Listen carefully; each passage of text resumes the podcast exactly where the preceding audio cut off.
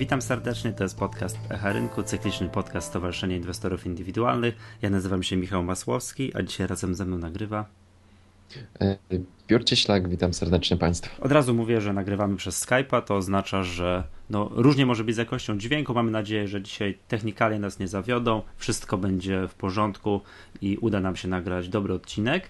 Dzisiaj będziemy rozmawiali o dwóch spółkach, które ostatnio no powiedziałem tak, mają coś tam na bakier z inwestorami indywidualnymi i konkretnie to będzie JSW i BOMI. Zgadza się Piotrek? Tak, zgadza się. Dokładnie o tych dwóch tematach porozmawiamy. Dobra, to powiedz, co to JSW ostatnio. No, no nie chcę użyć słowa narozrabiało, ale użyję. Ale użyję. Dobra, powiedz, powiedz Piotrek, co to JSW narozrabiało. Co narozrabiało? Może zaczniemy od e, meritum sprawy. Mhm. Mianowicie z, pod, na początku drugiej dekady e, maja stowarzyszenie przesłało do spółki pismo, w którym poprosiło, żeby zarząd ustosunkował się do kwestii, którą, na którą stowarzyszenie zwróciło uwagę, a która dotyczyła tarczy podatkowej e, niewykorzystywanej po prostu przez spółkę. E, tarczy podatkowej, która mogła się pojawić w związku z lepszą optymalizacją podatkową e, procesów związanych z wypłatą nagród przez spółkę JSW. Na czym polega problem? Mianowicie na tym, że E, spółka JSW od lat wypłaca nagrody poprzez decyzję walnego zgromadzenia, e, czyli walne zgromadzenie, akcjonariusze decydują o wypłacie nagród. Mm, do tej pory e, funkcjonowało to na takiej zasadzie, że w momencie, kiedy walne zgromadzenie decyduje o wypłacie takich nagród, to kwota w tym przypadku niebagatelna, bo rzędu 130 milionów mhm. złotych nie może czy też nie mogła E, być odliczona, zaliczona do kosztów podatkowych. A co to oznacza? Oznacza to, że spółka ponosi 130 milionów złotych kosztów przykładowo, ale nie jest w stanie uwzględnić tego w kosztach, czyli odliczyć po prostu od, od, od podatku. Przepraszam, ja dobrze rozumiem, bo gdyby to było tak, że prezes zarządu y, decyduje tak, no dobrze, panowie górnicy pracowaliście, wypłacamy wam 130 milionów złotych, no jako ten, nie wiem, kolejną 13, 14, czyli ile ci górnicy pensji dostają, to normalnie byłby to tak, jak to pensje pracowników, jak to jest w państwie polskim, byłyby zaliczone do kosztów uzyskania przychodu dla spółki, tak? Tak. Tak, tak by było normalnie. Tak, mhm. o, o, to właśnie chodzi, że w momencie, kiedy zarząd by podjął taką decyzję, a nie walne zgromadzenie, to te koszty zaliczone by zostały normalnie w poczet kosztów pracowniczych. Skoro mówimy tutaj o kwotach rzędu 130 milionów złotych, to zapewniłyby spółce blisko 25 milionów oszczędności no tak. z tytułu tarczy. O, ty, o tyle mieliby większe koszt, koszty, czyli tyle tam, co powiedziałeś, mniej podatku, tak, CIT-u by zapłacili. A powiedz mi taką rzecz, to jest jakiś, bo przyznam się szczerze, że ja pierwszy raz słyszę o czymś takim, że to, nie wiem, to jest jakieś w statucie spółki zapisane, że to jest w gestii walnego decyzja o tym, czy wypłacamy jakieś pieniądze, no to tak jak dywidendę, rozumiem, tak? Mm, to znaczy statut, statut spółki przewiduje, że zyski mogą być dzielone jeszcze na w jakiś inny sposób, nie precyzuje dokładnie, że to mogą być nagrody, ale nie, nie ogranicza powiedzmy możliwości wypłaty takich nagród, natomiast w spółce funkcjonują też regulaminy związane e, z podziałem nagród. E, jest to generalnie, jeśli chodzi o tego typu nagrody, to pewnego rodzaju zaleciałość spółek, w których głównym akcjonariuszem jest Skarb Państwa. Do niedawna jeszcze w PGNiG-u tego typu wypłaty były. W tym roku zarząd mhm. postanowił odejść po prostu od tej niezbyt racjonalnej procedury wypłaty nagród. Y, planuje w tym, w tym roku zarząd PGNiG-u wprowadzić jakieś inne rozwiązania y, w tym zakresie. Więc no, można rzec, że JSW jest jedną z ostatnich, o ile nie ostatnią spółką na, na giełdzie papierów wartościowych, gdzie y, tego typu rozwiązania jeszcze się preferuje i stowarzyszenie to zdecydowany sprzeciw względem tego typu sposobu podziału nagród zgłosiło, zaproponowało alternatywne rozwiązanie. E, między innymi to alternatywne rozwiązanie zgłosiliśmy podczas obrad walnego zgromadzenia pod e, decyzję akcjonariuszy. Tutaj chodziło w tym przypadku o rozwiązanie, które właśnie doprowadziłoby do tego, że to nie akcjonariusze zdecydują o przyznaniu tych nagród, a tylko i wyłącznie zarząd, co w naszej ocenie w kompetencji, w gestii zarządu powinno być to w jaki sposób te zyski powinny być dzielone i oczywiście taki podział zapewnia spółce to, to, co, to o czym wcześniej rozmawialiśmy, czyli możliwość skorzystania z niebagatelnej, bo blisko rzędu 25-milionowej tarczy podatkowej, więc no, można rzec, że, że same korzyści z tego rozwiązania e, płynęły. I może też wspomnę o jednej rzeczy, o, o której nie wspominałem wcześniej, e, mianowicie takiej, że w ostatnich miesiącach tego roku pojawiły się pierwsze orzeczenia, które być może, mówię być może, bo to mhm. oczywiście nie jest jeszcze stuprocentowe pewne, ale pozwoliłyby spółce JSW wliczać w koszty podatkowe nawet wypłaty z nagród zysku netto. Mhm. A y słuchaj, a powiedz mi jeszcze taką rzecz, bo to tak jak teraz patrzę, co urząd skarbowy y, tam tego JSW na to, na takie wypłatę no poza jakby, nie wiem, no z nagród, w ten sposób, że decyzją walnego. Bo ja rozumiem, że to jest tak, że z jednej strony, jak oni nie zaliczą tego do kosztu uzyskania przychodu, to CIT będą mieli większy, tak? E... Tak. Tak. Tak, właśnie o to tak. chodzi. Czyli Skarb Państwa być zadowolony, bo ma CIT jest większy. No ale z drugiej strony w JSW dominującym akcjonariuszem jest Skarb Państwa, czyli de facto jest to działanie na szkodę swojej własnej spółki. E, można by w pewnym sensie tak I z jednej ująć. i z drugiej, nie? Skarb Państwa korzysta na tym, e, natomiast JSW i akcjonariusze pozostali spółki JSW niestety tracą na takim rozwiązaniu, a Skarb Państwa zyskuje, bo... I tak, i tak by zyskał. Tak, tylko że w takiej mhm. sytuacji Skarb Państwa zyskuje pełne 25 milionów złotych, a w momencie, kiedy mhm.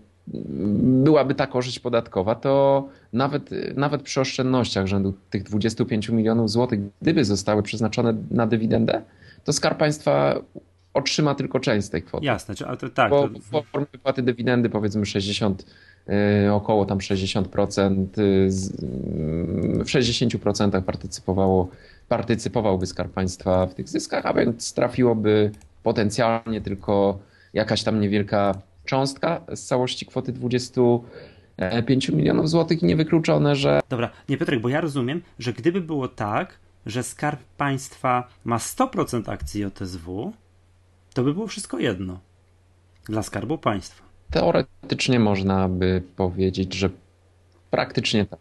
Bo wtedy, A... Tak, bo wtedy jest jego spółka, Skarbu Państwa, jego, który ma wszystko, no ma tam gigantyczną oszczędność. Tak, nie wiem, a tak to ma, wiesz, a tak to mm, wszystko idzie do. To jest mniej więcej tak jak podatek, e, jak mi się teraz przypomina ten podatek od wydobycia srebra w KGHM-ie. Tak to zawsze skasuje Skarb Państwa, a tak by musiał się Skarb Państwa dzielić zyskami w KGHM-ie z jakimiś tam no, pozostałymi akcjonariuszami. Tak, i tu jest niemalże prawie taka sama sytuacja, mhm. bo w obecnej sytuacji do, do państwa trafia prawie 25 milionów złotych z tytułu podatku, którego mhm. Y, niestety, ale JSW, zarząd JSW nie zaoszczędzi y, z tytułu swoich operacji czy też propozycji rozwiązań. Natomiast y, w momencie, kiedy powiedzmy, w momencie, kiedy ten podatek y, byłby wypłacany, te oszczędności, które by pojawiły się z tytułu podatku y, w spółce JSW byłyby wypłacane w formie dywidendy, to Skarb Państwa jest akcjonariuszem JSW, który ma około tych 60%, czyli mógłby partycypować wyłącznie w jakiejś tam części tych oszczędności. No i to też wiesz. A w takiej sytuacji całość kwoty trafia de facto do, do, do kieszeni.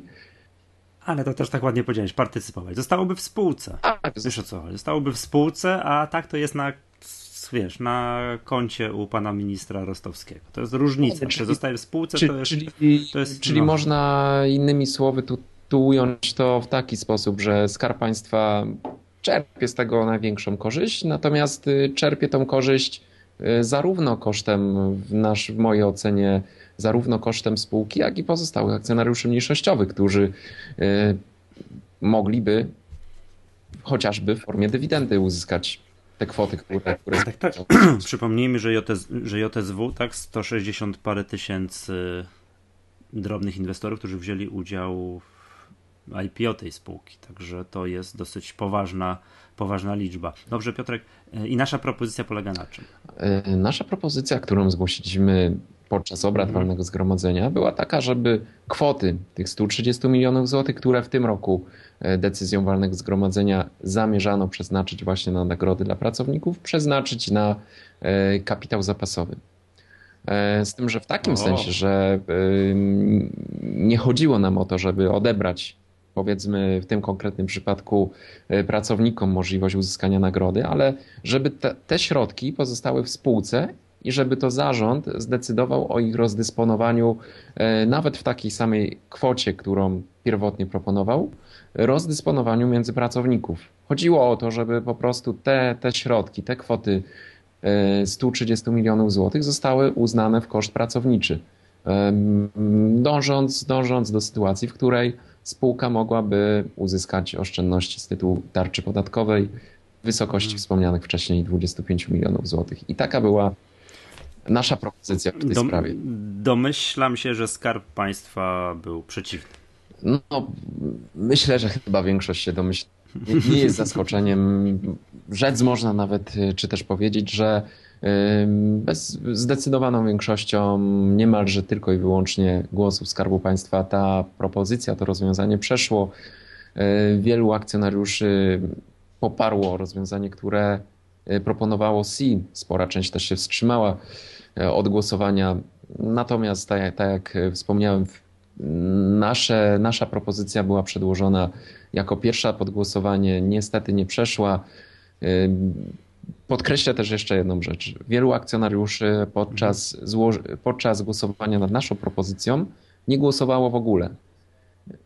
Dziwne, zaskakujące, ale z drugiej strony, jak się zastanowi, to e, trzeba zauważyć, czy też zważyć na to, że na walne zgromadzenie czy fundusze, czy inne podmioty z reguły wysyłają osoby, które są kompletnie niedecyzyjne. Przychodzą tylko i wyłącznie po to, żeby zagłosować, nie biorą praktycznie nigdy e, udziału w dyskusji.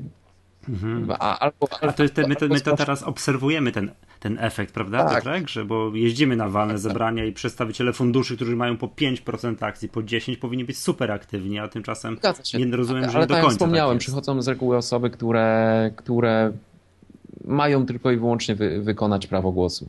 Y, mhm. W momencie, kiedy pojawia się jakaś kontrpropozycja, alternatywna propozycja podczas obrad, każdy z tych pełnomocników musi e, skontaktować się z firmą czy też podmiotem, który reprezentuje, a jest przecież zawsze pewnego rodzaju ryzyko, że, że w sytuacji, kiedy propozycje składane na walnym nie do końca będą dla, dla mocodawców zrozumiałe, czy, czy nie będą przeanalizowane, to takie osoby, które pojawiają się na walnym, nie będą wiedziały ani jak przekonać powiedzmy swoich mocodawców, ani nie będą wiedziały w jaki sposób głosować i, i to powoduje, że w takiej sytuacji no, dochodzi do pewnego rodzaju kuriozum, że lepiej dla niektórych wstrzymać się i nie robić żadnego ruchu, niż, niż podejmować po prostu, nawet niezależnie od tego, czy to jest ruch korzystny w interesie spółki, czy też nie, a tu bezsprzecznie był w interesie spółki, interesie akcjonariuszy, interesie funduszy e, inwestycyjnych, TFI, OFE, etc., etc. i reakcja była jaka była to cały polski obraz polskiego rynku kapitałowego. Dobra, Piotrek, muszę Cię zapytać o to jeszcze, bo to jest, że tak powiem, no musimy to powiedzieć na głos słuchaczom, w jaki sposób JSW było uprzejme jednokrotnie na szczęście, to podkreślmy, jednokrotnie zareagować na nasze nie wiem, pytania, pismo. Tak. Niestety tak, jak nie powinna zareagować żadna spółka publiczna na rynku kapitałowym sposób odpowiedzi, bo, bo zadaliśmy spółce, proponując nasze rozwiązania, zadaliśmy jeszcze kilka pytań, ażeby zarząd się ustosunkował do nich. E, pytania zadaliśmy oczywiście jako akcjonariusz spółki, korzystając e, z trybu artykułu 428 kodeksu spółek handlowych, czyli trybu, który daje akcjonariuszom poza walnym zgromadzeniem możliwość skierowania do zarządu pytań dotyczących spółki.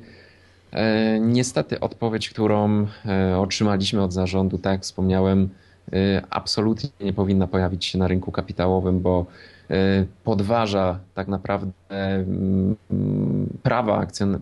próba, to była próba de facto podważenia praw wszystkich akcjonariuszy mniejszościowych, a trzeba zważyć na to, że tutaj partycypowało czy też brało udział w ofercie ponad 160 tysięcy, 160 tysięcy inwestorów indywidualnych, a Dlaczego mówię o podważaniu prawa akcjonariuszy mniejszościowych? Mianowicie dlatego, że nie otrzymaliśmy od zarządu merytorycznych odpowiedzi na żadne z pytań, które skierowaliśmy do zarządu. Mówię, nie otrzymaliśmy przed walnym zgromadzeniem, bo podczas walnego zgromadzenia zarząd starał się, czy też usiłował wyjaśnić kwestie, które poruszyliśmy w tych pytaniach.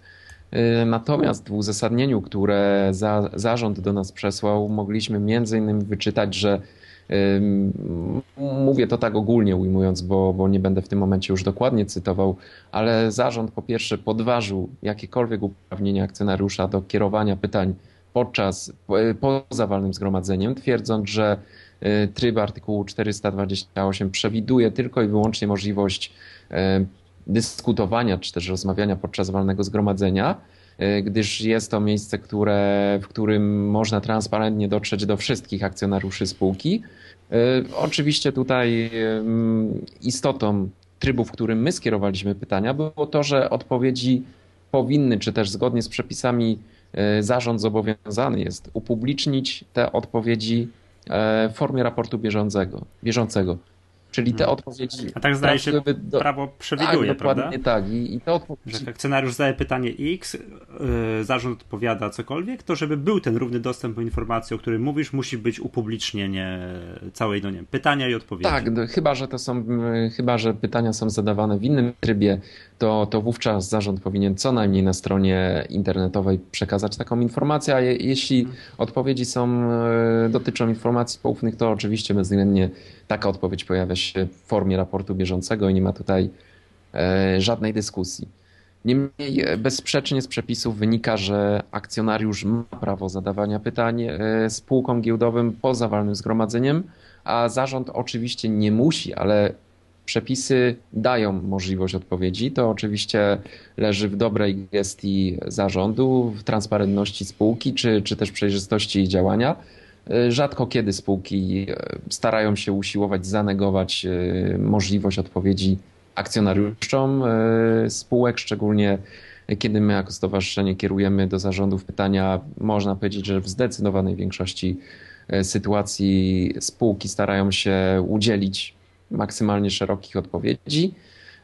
Oczywiście jakość odpowiedzi jest różna, to, to, to zależy od chęci tak naprawdę zarządu, czy też czasami zrozumienia istoty problemów zgłaszanych po prostu przez akcjonariusza. Ale powiedzmy co najważniejsze, że to, że, że tam była jedna z argumentacji była taka, że nie zostaną nam te odpowiedzi udzielone, bo mamy tylko dwie akcje. Tak, to, to, to, no to, to, jest... to, to, już jest. A żeby Państwo wiedzieli, to my jako stowarzyszenie generalnie tak kupujemy jedną akcję, dwie akcje, jak jest jakieś spółki groszowe, to może dziesięć, po to, żeby, nie po to, żeby tam nie wiadomo co robić tymi akcjami, czerpać jakieś z korzyść, tylko żeby móc wziąć udział w walce. Tak, tak, tak. To, to, to, to już jest, y, myślę, zdarzenie na miarę rynku, które, z którym my jako stowarzyszenie chyba spotykamy się pierwszy raz y, w historii kilkunastoletniego funkcjonowania tej organizacji e, próba podważenia praw akcjonariuszy ze względu na wielkość posiadanych kapitałów, czy też wielkość, ilość posiadanych akcji absolutnie nie powinna się zdarzyć. E, I oczywiście nie ma, nie ma to żadnego przełożenia na przepisy prawa. Przepisy prawa w momencie, kiedy akcjonariusz czy chce uczestniczyć w walnym zgromadzeniu, czy chce skierować do zarządu pytania w trybie artykułu 428, o którym wcześniej wspomniałem, wystarczy tylko i wyłącznie jedna akcja. To prawo przysługuje każdemu akcjonariuszowi e, i żaden zarząd, żadna spółka nie jest nie ma prawa wręcz argumentować, że akcjonariusz nie ma prawa podejmować określonego kroku, bo ma jedną czy też dwie akcje. Dokładnie. Ciekawe, gdzie jest próg. Gdzie byłby próg? Przy 10 akcjach, 100, 1000, 10 tysięcy? Trudno powiedzieć, no, ale no. pod uwagę, że zapisało się 160, ponad 160 tysięcy inwestorów, y, którzy, no, uczy, którzy nabywali różnej wielkości pakiety, pewnie czasami kilkanaście akcji, y, może czasami kilkadziesiąt. Y, trudno jednoznacznie tutaj szacować, niemniej w każdym razie prawdopodobnie jest wielu akcjonariuszy, którzy dysponują malutkimi pakietami akcji i to by oznaczało, że e, idąc, idąc po prostu tokiem rozumowania e, zarządu spółki, żaden akcjonariusz nie miałby prawa skorzystania ze swoich praw korporacyjnych wynikających z prost, dokładnie, wynikających z prost z przepisów kodeksu spółek handlowych. No, no dobra, ale Piotr, wiem, że chyba, chyba, chyba tak. rozmawiałeś z zarządem spółki i to powiedz mi, czy tam jakiś to zdarzył im się, że tak powiem, raz, jeden, jakiś tam, no powiedziałbym, delikatnie rzecz ujmując, jakaś no, niefortunna odpowiedź. Jak, jest jakaś obietnica poprawy, czy Jedno nie? jest pewne. Ta sytuacja w spółce JSW pojawiła się pierwszy raz. E, traktuję, przyjmuję to póki co na garb e, przypadku, może nie przypadku, ale e, niefortunnego zdarzenia, które z różnych powodów pojawiło się, a które nie powinno się pojawić. Zarząd po, po rozmowach, które e, przeprowadziłem już dzień nawet po walnym zgromadzeniu, e, jest świadom, świadom problemu, który się pojawił. Zrozumiał zarząd y, tą sytuację, zrozumiał, że nie powinno się w taki sposób rozmawiać z akcjonariuszami zadeklarował, że ten przypadek, który się pojawił, więcej w spółce się nie zdarzy, że spółce zależy na komunikacji z akcjonariuszami mniejszościowymi, z inwestorami indywidualnymi e, i będzie się starał komunikować w taki sposób, żeby więcej tego typu zarzutów e, nie można było postawić spółce. I jednocześnie zarząd zadeklarował, że w zakresie kwestii merytorycznych, które no właśnie, właśnie to chciałem cię, zapy- tak, tak, chciałem, tak, cię zapytać właśnie, co, co z tymi podatkami jeszcze, bo na sam koniec, że... prawda? Bo tutaj, przepraszam, tylko tak przerwę, to jeszcze tak, tutaj tu apel na, wiz- na, na fonii, tak jak nas tutaj na pewno pan prezes spółki OTSW słucha, że będziemy patrzeć na ręce. Tak, będziemy patrzeć na ręce. Będziemy patrzeć na ręce, bo to tak, Absolu- bo, bo to tak być nie, nie może. dopuścimy do sytuacji, w której drugi raz mogłoby dojść do, do tego typu naruszenia praw akcjonariuszy mniejszościowych, ale tak mówię, jest, y, jest y, zrozumienie problemu ze strony zarządu i póki co przyjmuję jako dobrą wiarę, że zarząd akurat w tym zakresie faktycznie się nawróci. Tak jest. Przeprosiny przyjmujemy, będziemy kontrolować. Dokładnie.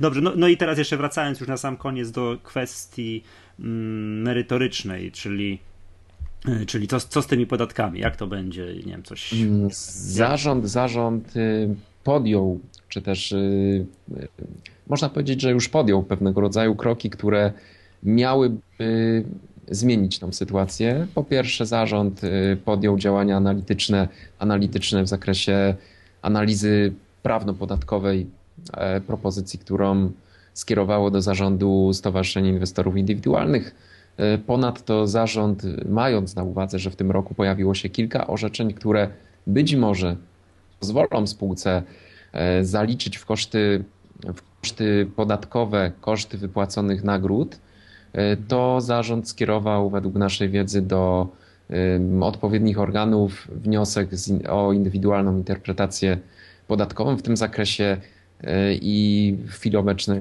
czy do tam swojego tak. urzędu skarbowego bądź jakieś tam izby tak, skarbowej. Bo tak? zarząd y, chciałby być po prostu pewny, y, chcąc na przykład wliczyć y, obecne, obecnie wypłacone nagrody w zysku netto podzielone, podzielonego podczas obrad walnego mhm. zgromadzenia, chciałby mieć pewność, że taką możliwość będzie miał. Może tutaj też wspomnę, że już w przeszłości zarząd składał takie wnioski do, mhm. do odpowiednich organów otrzymał nawet pozytywną opinię, która, y, która de facto pozwalała zaliczyć koszty podatkowe. Niemniej decyzją ministra y, finansów y, decyzja z kolei Urzędu Skarbowego została podważona, zanegowana i spółka, wiem, wiem że się procesowała, ale, ale niestety finalnie okazało się, że nie ma możliwości skorzystania z takiego rozwiązania. I, i... Ależ, ależ prawo jest wybiórcze. Niestety, niestety tak. To jest, wiesz, to co myślę, jak minister finansów może skasować podatek w pełnej wielkości, to kasuje. A tak by kasa została w spółce.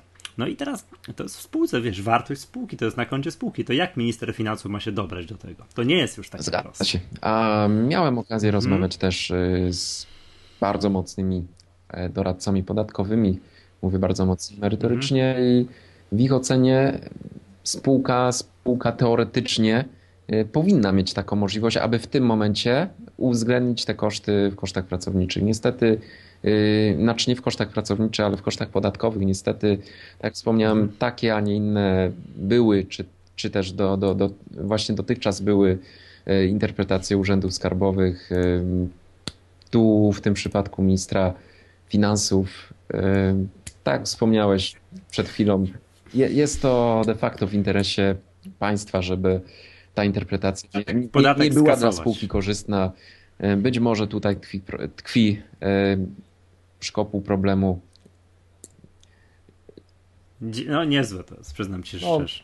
Dobra, Piotr, wiesz co, ponieważ mimo tego, że zapowiedzieliśmy słuchaczom na początku nagrania, że będziemy mówili o BOMI, ja tutaj tak kontroluję jednym okiem czas nagrania, proponuję teraz obiecać, że kolejny odcinek podcastu rozpoczniemy od, od sprawy BOMI, na dzisiaj zakończyć, ponieważ czas nagrania zbliża się, będzie się zbliżał powoli do nieprzyzwoitych. Ja dobra? nawet bym obiecał w tym miejscu, że Aha. porozmawiamy oczywiście w kolejnym podcaście o BOMI, ale zaczniemy od niezwykle równie niezwykle ciekawej e, sprawy, a mhm. nawet dużo bardziej ciekawej e, spółki Roweze, e, spółki, gdzie głównym akcjonariuszem jest Michał Sołowow.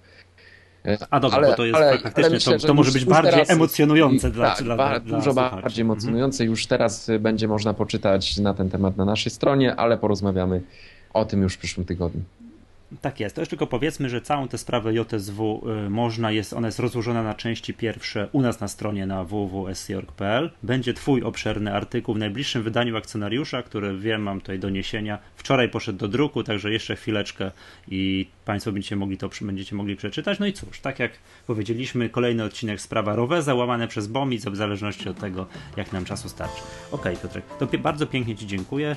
To Cóż, no to to był podcast Echa Rynku, cykliczny podcast Stowarzyszenia Inwestorów Indywidualnych. Ja nazywam się Michał Masłowski, dzisiaj ze razem ze mną nagrywał. Piotr Cieślak. Dziękuję bardzo. Do, usłysz do usłyszenia następnym razem. Do usłyszenia.